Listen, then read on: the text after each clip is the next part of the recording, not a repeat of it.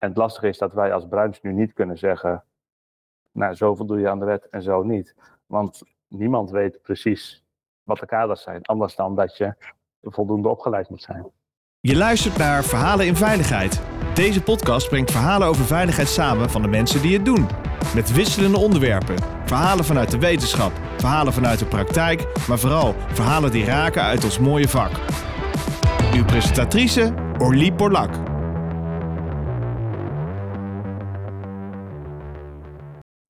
Welkom luisteraars, het is weer tijd voor een uh, mooie podcast. Ik zit in de studio met Johan uh, Timmerman. Hij is al eerder bij ons te gast geweest om te praten over gevaarlijke stoffen, want dat is zijn specialiteit. Hij is uh, specialist arbeidshygiëne en epidemioloog bij Volandus. Johan heeft een master in toxologie en environmental health en een bachelor in biomedische wetenschappen. Vandaag gaan we praten over uh, die isocyanaten, want daar is momenteel echt heel veel gedoe over. Johan, welkom. Dankjewel. Ja, leuk dat je er weer bent en ook gewoon uh, fantastisch dat jij ook van dit onderwerp weer heel veel verstand hebt. Ik ben wel heel erg benieuwd, wat houdt de REACH-verordening met betrekking tot uh, die isocyanaten precies eigenlijk in? Ja, nou, dat is, um, REACH is zeg maar de Europese ja, wetgeving voor gevaarlijke stoffen. En um, ja, daar kan zeg maar op een gegeven moment een, een, stukje wetgeving uit voortkomen. Dat, dat, op Europees niveau wordt besloten dat een stof eh, niet meer gebruikt mag worden of alleen maar onder bepaalde voorwaarden gebruikt mag worden. Nou, dat is gebeurd bij uh, die isocyanaten. Dat is eigenlijk een, ja, een groep van, uh, van chemicaliën met bepaalde overeenkomsten. En er heeft in, het, um, ja, in het verleden heeft een van de Europese lidstaten heeft voorgesteld om um, het gebruik van die stoffen te gaan verbieden omdat ze uh, long, uh, longklachten, astma, zeg maar, kunnen veroorzaken. Nou, op zich uh, geen gekke gedachte natuurlijk. Hè. Het is een heftige gezondheidsaandoening waarvan je niet wil dat mensen ziek worden. En we zien echt wel dat mensen ziek ja, kunnen worden als ze eraan blootgesteld zijn. Toen is er op Europees niveau gesproken. Fabrikanten hebben ook aan het gesprek deelgenomen. En uiteindelijk is het zo omgedraaid dat er niet besloten is om het gebruik van die stoffen te verbieden maar om het onder voorwaarden toe te staan. Dus net even andersom, zeg maar. En de voorwaarde daarbij is dat uh, ja, iedereen die ermee wil werken, uh, vooraf een, uh, een, training gedaan moet hebben over ja, hoe je dat dan op een veilige manier kan doen.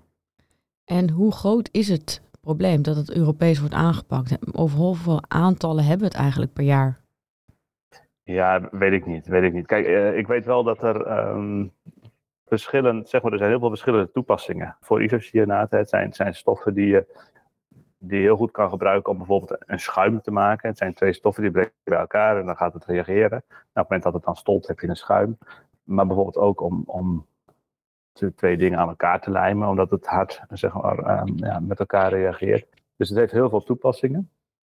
En wat je ziet in bijvoorbeeld de industrie, um, ja, kussens, matrassen, isolerende delen, zeg maar. Ja, daar, daar zit isocianaten in. Dus in, in die industrie is veel blootstelling. Maar bijvoorbeeld ook de autospuiterijen als voorbeeld. En in de bouw wordt het ook veel gebruikt, alleen dan ja, net weer in een andere toepassing. Maar ja, de bekende purspuitbusjes, zeg maar. Ja, welke bouwvakker werkt er nou, uh, nou niet mee? Dus het gaat echt wel over heel veel mensen die het gebruiken. Als je kijkt hoeveel mensen er ziek van worden, heb ik in ieder geval in Nederland in de bouw geen, uh, geen cijfers van. Uh, wij hebben niet, ja, niet, er wordt niet veel gemeld in ieder geval uh, als beroepsziekte. We weten wel dat ja, ook in andere landen, met name in de autospuiterijen, uh, ja, echt wel gevallen bekend zijn. Maar ik heb met name zicht op hoe het in de bouw gegaan is, omdat dat mijn, ja, de sector is waarin ik werk, dus daar heb ik ook het meeste, meeste zicht op. Waarom denk je dat deze verordening er is gekomen? Nou, ik denk zelf met name vanwege ja, net dat soort toepassingen wat ik net noemde. Hè, de industrie en, ook de autospuiterijen waar echt wel uh, hele hoge blootstellingen zijn. En waar je ook echt ziet dat mensen ziek worden. En ja, je wil gewoon niet dat mensen uh, astma oplopen. Uh, dat, dat is heel helder. Kijk, mensen die dat één keer hebben, kunnen hun werk niet meer doen. Maar kunnen de rest van hun leven eigenlijk ook niet meer met ja, die stof in aanraking komen. dus ook niet meer in een, ja, een nieuwe auto stappen waar kussens in zitten met isocyanat, zeg maar, de kleine hoeveelheden die daar nog uitdampen, kan dan al genoeg zijn om echt ja, heftige benauwdheid zeg maar, te veroorzaken. dus dat tast de kwaliteit van leven ja, echt wel aan. Dus dat, dat is de reden waarom je er gekozen is zeg maar, om het op deze manier te, te reguleren. Uiteindelijk is het dus niet verboden, maar wel onder ja, restricties gezet. En waarom is het niet verboden? Is er geen alternatief? Er zijn wel alternatieven, maar nog niet, niet voor elke toepassing, uh, voor zover bij mij bekend in ieder geval. Uiteindelijk, ja, ik ben niet bij de onderhandelingen geweest, maar de fabrikanten zullen ook uh, daarin toch een, lobby gevoerd hebben. Want dat is uiteindelijk ook hun, uh, ja, hun broodwinning. Hè. Zij produceren deze stoffen. Er worden heel veel nuttige dingen mee gemaakt. Dus ja, dat is dan de afweging die daarbij gemaakt is. Ja, en hoe, wat moeten bedrijven nu doen? Er zijn een heleboel bedrijven die er echt veelvuldig gebruik van maken. Die dus, dus ook in, in heel veel toepassingen uh, die ISO-cyanaten eigenlijk nodig hebben, omdat ze anders niet de kwaliteit van hun product kunnen leveren. Wat moeten zij nu doen in, in de praktijk? Ja, heel praktisch moeten ze voor 24 augustus van dit jaar, dus dat is zeg maar een dikke maand geleden, alle werknemers die tijdens het werk met isocyanaten in aanraking kunnen komen, een training laten doen, waarin ze dan worden gewezen op enerzijds de gevaren, maar anderzijds ook de beheersmaatregelen, hoe je dan toch veilig daarmee kunt, uh, kunt werken. En ja, dat uiteindelijk is dat, als je het vanuit de wettekst zeg maar bekijkt, is, is dat de voorwaarde om nog met producten met, en formeel is het meer dan 0,1% isocyanaten uh, te mogen werken. Uh, met die voorwaarde is dat je dan vooraf getraind bent. En uh, je zei net al zelf, je, doet veel onderzoek in de bouw. hoe ben je daar in de praktijk tegengekomen? Ja, wat wij vooral in het begin merkten was heel veel onrust. Uh, onbegrip van ja, ik doe dit al jaren, moet ik nu in één keer daar een opleiding voor volgen hoe ik het, uh, hoe ik het moet doen. Nou, is deels natuurlijk niet helemaal terecht, maar ook wel een beetje te begrijpen. Uh, want wat je in de bouw toch vooral ziet, ik noemde net hè, die, uh, de bekende spuitbusjes. En daarbij is het risico echt heel klein. Daar zitten wel isocyanaten in, maar op het moment dat je die knop indrukt, hè, of spuitcontrole of net hoe je ermee werkt. Maar eh, zodra het spul naar buiten komt, is het eigenlijk al uitgereageerd en kun je niet meer uh, die isocyanate inademen. En dat is natuurlijk heel anders dan een autospuiterij bijvoorbeeld, waar uh, mensen echt in, ja, in, een, in een wolk van isocyanaten staan. Hoewel we ook in de bouw wel ook ja, hoog risico toepassing hebben. Nee, je hebt ook vloeren die uh, van isocyanaten, zeg maar, maar nou, die worden dan als een, als een gietvloer, zeg maar, aangebracht met groot oppervlak. Uh, waar mensen ook nee, met pure isocyanaten werken en die dan mengen met andere grondstoffen. Ook in de, de na-isolatie zie je dat, kruipruimtes, spouwmuren. Maar goed, zeker voor die, uh, voor die spouwmuren, of die uh, kruipruimteisolatie, geldt dat daar ook al ja, bestaande certificeringen voor zijn. Dat een bedrijf ja, gecertificeerd moet zijn voor je het überhaupt mag doen. En daar hoort ook bij uh, de training van de, van de werknemers. Dus voor ons gevoelsmatig verandert het voor de bouw niet zo heel veel als het gaat over nou, het voorkomen van beroepsziekten, zeg maar. Maar het is wel een hele klus om uh, ja, zeg maar alle honderdduizenden mensen op de werkvloer uh, getraind te krijgen. En je denkt ook niet dat het een positieve bijdrage gaat leveren bij toepassingen als die gietvloeren? Kijk, ik snap dat uh, spuitbus ja. een kleine blootstelling hebben en dat dat misschien een, een verwaarloosbaar risico is. Dat begrijp ik uit jouw verhaal. Maar er zijn ook een, eh, een, een aantal toepassingen die, die, die wel echt een serieuze blootstelling hebben. Ja, ja. Nou, kijk, verwaarloosbaar, uh, je vat het goed samen. Het is niet helemaal zoals ik het bedoelde. het is meer ten opzichte van hè, de hoeveelheid moeite die ervoor gedaan moet worden. Uh, kun je afvragen, is het dat inderdaad waard? Maar kijk, het stukje bewustwording ja, is super waardevol. En als mensen een cursusje, uh, want uiteindelijk is het geen hele grote opleiding. Als mensen een cursus doen en vervolgens weer alert zijn van hé, hey, dit zijn stoffen waar ik netjes mee moet werken, want nou, dit zijn de gevaren en zo kan ik het, uh, zo kan ik het doen, is dat natuurlijk heel nuttig. En zeker, um, ja, bijvoorbeeld hè, bij de, je noemde het voorbeeld van de vloerenleggers. Ja, bij die hoogrisicotoepassingen, daar zal de winst denk ik ook groter zijn dan bij um, toepassingen waarbij minder risico is. Tegelijkertijd mag je er ook van uitgaan dat uh, ja, een vloerenleggerbedrijf ja, inherent aan het feit dat ze een vloerenleggersbedrijf zijn, al ja, dat risico veel beter met zich ervan bewust zijn en passende maatregelen treffen. Ik weet eigenlijk helemaal niks over het spul waar we het nu over hebben. Wat, wat is het eigenlijk? Gewoon even technisch even uitleggen waar, waar ja. hebben we het nou over en hoe reageert het? Want je zegt op een gegeven moment, ja, dan is het uitgereageerd en dan heb ik nu een plaatje bij die vloer in mijn hoofd met allemaal giftige dampjes en zo. Maar kun je daar iets over uitleggen? Ja, is wel lastig hoor, dat zomaar uh, in, in, woorden te doen. Het is ook een beetje scheikundig, maar kijk, het, het, het begint ermee dat je een, je hebt twee componenten. En de ene component, dat zijn dan de isocianaten. En daar zit een, ja, een cyanaatgroep aan, uh, een bepaalde chemische groep. En wat hij graag wil, is zich verbinden aan een, nou denk ik of ik het goed zeg, aan een, is het een OH-groep van een, van een andere component. Nou, je ziet, ik vind het zelf ook al scheikundig lastig om het, om het uit te leggen, maar waar het om gaat is dat je die twee componenten bij elkaar voegt. Dan gaan die moleculen van die twee componenten gaan zich aan elkaar verbinden. En dan krijg je een soort van rastertje, want hier zit een groep en daar zit een groep en volgens zit hier nog een groep en die gaat dan met. Nou, en zo krijg je een soort van netwerkje. Daarbij komt meestal CO2 vrij als, als afsplitsing, want daar waar die verbindingen gelegd worden, ja, dan moet ook iets even wijken, zeg maar. En wat je dan ziet is dat dat CO2, dat, dat is een, een gas dus het geeft belletjes in, in die twee. Het zijn twee vloeistoffen die je bij elkaar brengt en dat gaat borrelen. En op een gegeven moment, naarmate dat, dat, die, um, zeg maar dat vlechtwerk van die moleculen steviger wordt, kan het gas er niet meer uit ontsnappen. En dan blijft het erin zitten en heb je dus een schuim. En dat is nee, in, zeg maar, hele grote lijnen, een beetje platgeslagen, het idee van uh, met name de schuimvormende producten. Als je wat kijkt naar isocyanate lijmen, uh, daar is het meer het idee van je hebt die, ja, die lijm en die bindt zich zowel aan de twee uh, dingen die je wilt lijmen, als met alle uh, ja, moleculen in die lijm, waardoor ze gewoon een heel stevig netwerkje zeg maar, ontstaat.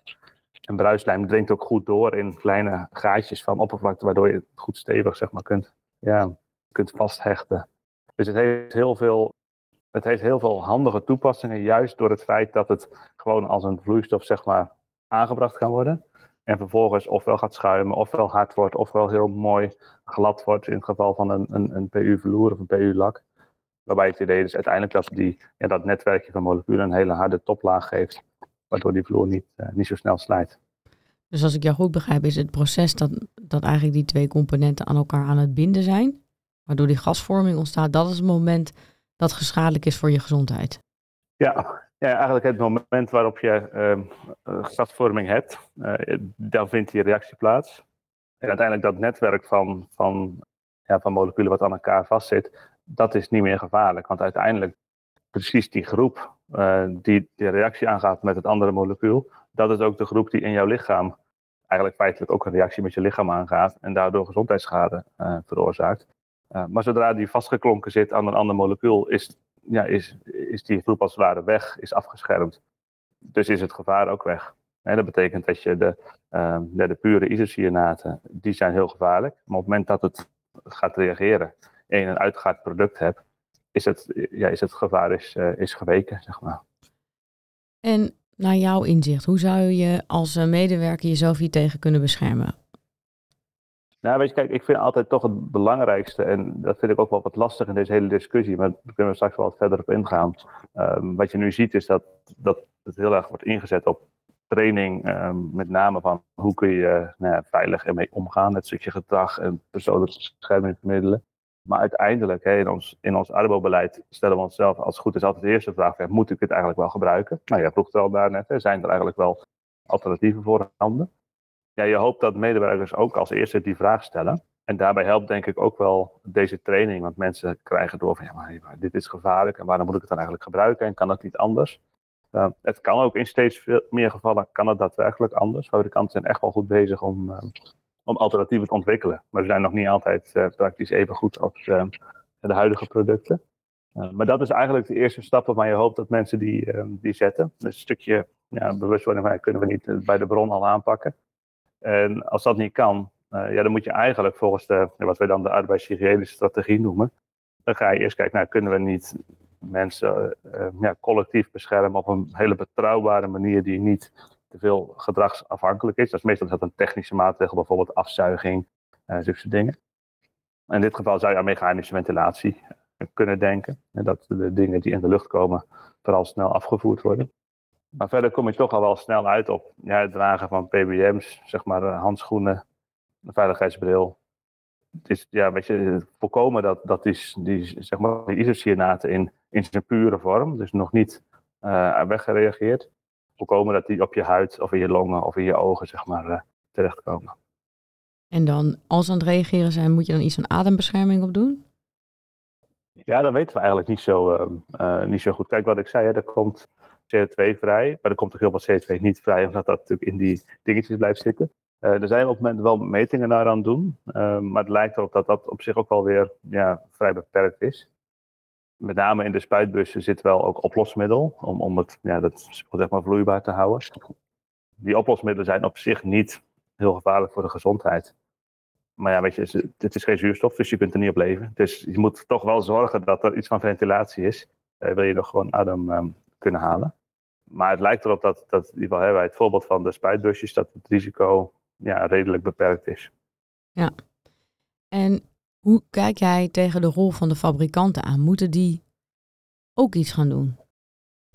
Nou ja, ze hebben al heel veel moeten doen. Uh, want dat was een beetje de crux van deze verordening. Dat de fabrikanten uiteindelijk verantwoordelijk gesteld zijn voor het, het organiseren van deze trainingen. Er zit ook al een bepaald idee achter natuurlijk. Hè. Zij produceren de stof, zij brengen het op de markt. En nou, dan moeten zij ook maar ervoor zorgen dat mensen die er gebruik van maken geen, uh, geen gezondheidsschade daaraan overhouden.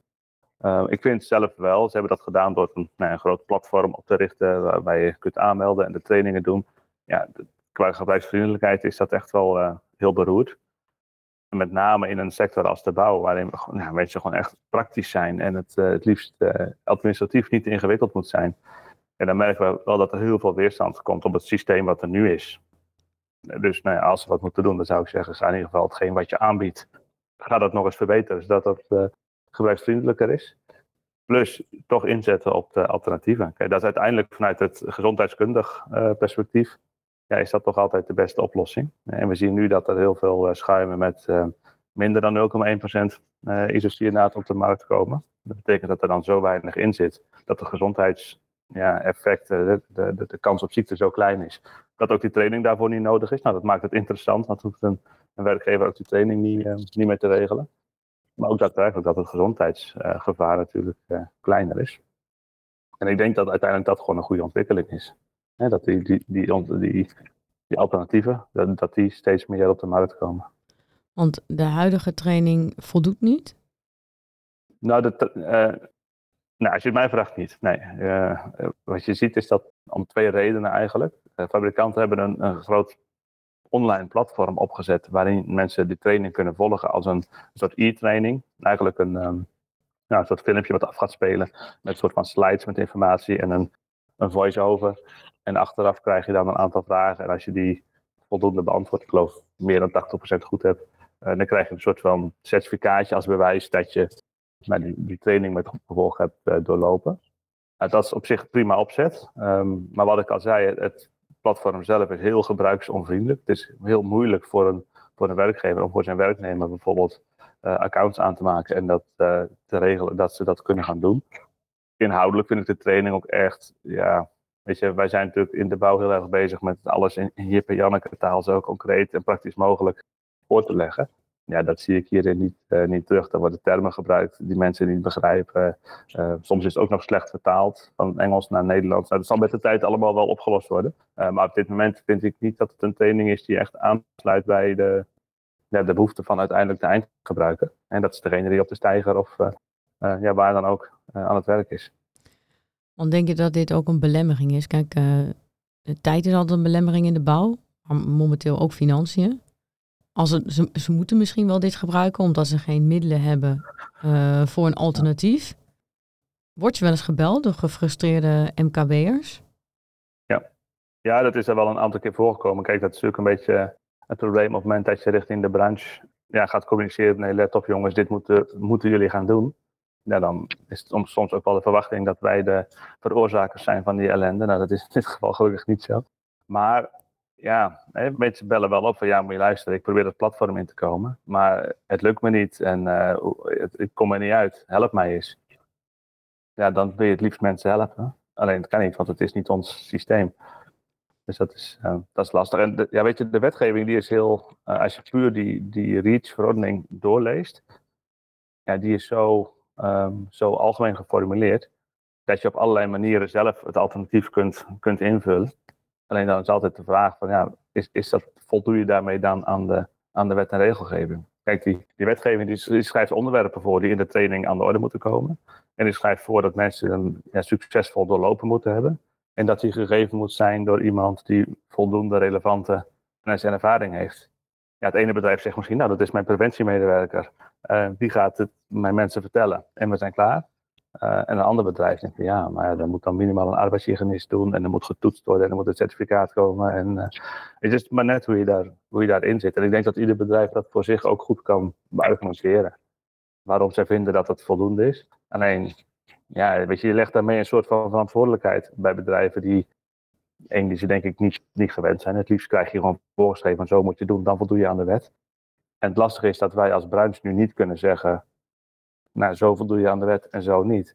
Want niemand weet precies wat de kaders zijn, anders dan dat je voldoende opgeleid moet zijn. En hoe had je dat eigenlijk het liefste willen zien? Wat was een betere aanpak Ja. geweest? Ja, ik, ik zelf denk ik dat het veel handiger was geweest als. ehm, kijk, ik vind het op zich goed om bij de fabrikanten te beginnen als, als, als startpunt, zeg maar. Maar wat je nu ziet is dat er drie jaar de tijd is gegeven. In 2020 is die verordening eigenlijk gepubliceerd en dan drie jaar later zou het van kracht worden. In die drie jaar hebben fabrikanten nou dat platform ontwikkeld en trainingen samengesteld. En die kwamen ergens, zeg maar in het laatste ja, jaar tot half jaar, kwamen die beschikbaar voordat uh, uiteindelijk die wetgeving van kracht werd. Um, en toen kwamen wij uiteindelijk achter van ja, maar dit is, dit is heel moeilijk voor onze, voor onze achterban, zeg maar, voor onze sector om daarmee om te gaan. Dus ik had zelf veel liever gehad dat dat tijdsbestek van drie jaar wordt wat opgeknipt. Hè? Dat je eerst twee jaar de tijd geeft aan de fabrikanten om de training uh, te regelen. En dat vervolgens dan de Europese Commissie dat toetst. Van, nou is dit inderdaad, uh, werkt het, uh, kunnen de brandjes hiermee overweg? En dan kun je het gaan, gaan implementeren. Ja, goed. En bij een volgende stof, kijk, dit gaat ongetwijfeld vaker gebeuren. Bij een volgende stof zal het beter verlopen dan nu, denk ik. Want dit is de eerste keer dat het op deze manier wordt gedaan. Nou, alle begin is moeilijk. Daar moet je denk ik ook een beetje realistisch in zijn. Maar ik mis nu wel een klein beetje, ja, degene die er uiteindelijk mee moeten gaan werken. Met de producten waar het om gaat. Ja, die kunnen heel slecht met de training overweg. Ja, hoe effectief ben je dan bezig? Ja, precies. En dan heb ik toch een laatste vraag. Bij wie zou de regie bij de volgende nieuwe stof moeten liggen? Wie zou dat vanuit Nederland centraal kunnen oppakken, zodat iedereen dezelfde kwaliteit opleiding krijgt in de taal die ze begrijpen, uniform over heel Nederland uitgerold? Want dan, heb je ook uniforme werkwijze. Ja, ja. Ja, dat zijn we nog een beetje aan het uitvogelen eigenlijk. Want dat is de vraag die, die bij ons ook speelt. Uh, kijk, wat we wel weten, uiteindelijk het bevoegd gezag moet handhaven. Ja, dat is in dit geval dan de Nederlandse arbeidsinspectie. Uh, maar die zijn ook niet erbij uh, betrokken geweest. Dus die zijn ja, waarschijnlijk net zo hard als wij aan het zoeken van oké, maar wat zijn dan precies de kaders? Maar wij hebben ook, ja, weet je, wij hebben ook al contact gezocht met hey, bijvoorbeeld bureau REACH van het RIVM, die dan zeg maar de, de Nederlandse REACH-wetgeving implementeert. En die wisten het eigenlijk ook niet zo goed. Dus ergens zit er nog een soort van kink in de, in de, in de kabel, zeg maar, tussen het Europees niveau en het, uh, het, het, zeg maar het niveau van de lidstaten. Waarvan blijkbaar dus de lidstaten niet goed weten, in ieder geval in, Nederland niet, wat nou precies Europees gezien de bedoeling is. Nou, mooi, er is nog heel veel te ontwikkelen. Dankjewel voor uh, deze podcast en dat je ons uh, hebt bijgepraat. Nou, graag gedaan. Tot de volgende keer. Je luisterde naar Verhalen in Veiligheid. Wil je niks missen van deze podcast? Abonneer je dan op deze podcast in je favoriete podcastplatform. Of laat een recensie achter via Apple Podcast. Dank voor het luisteren. Graag tot de volgende.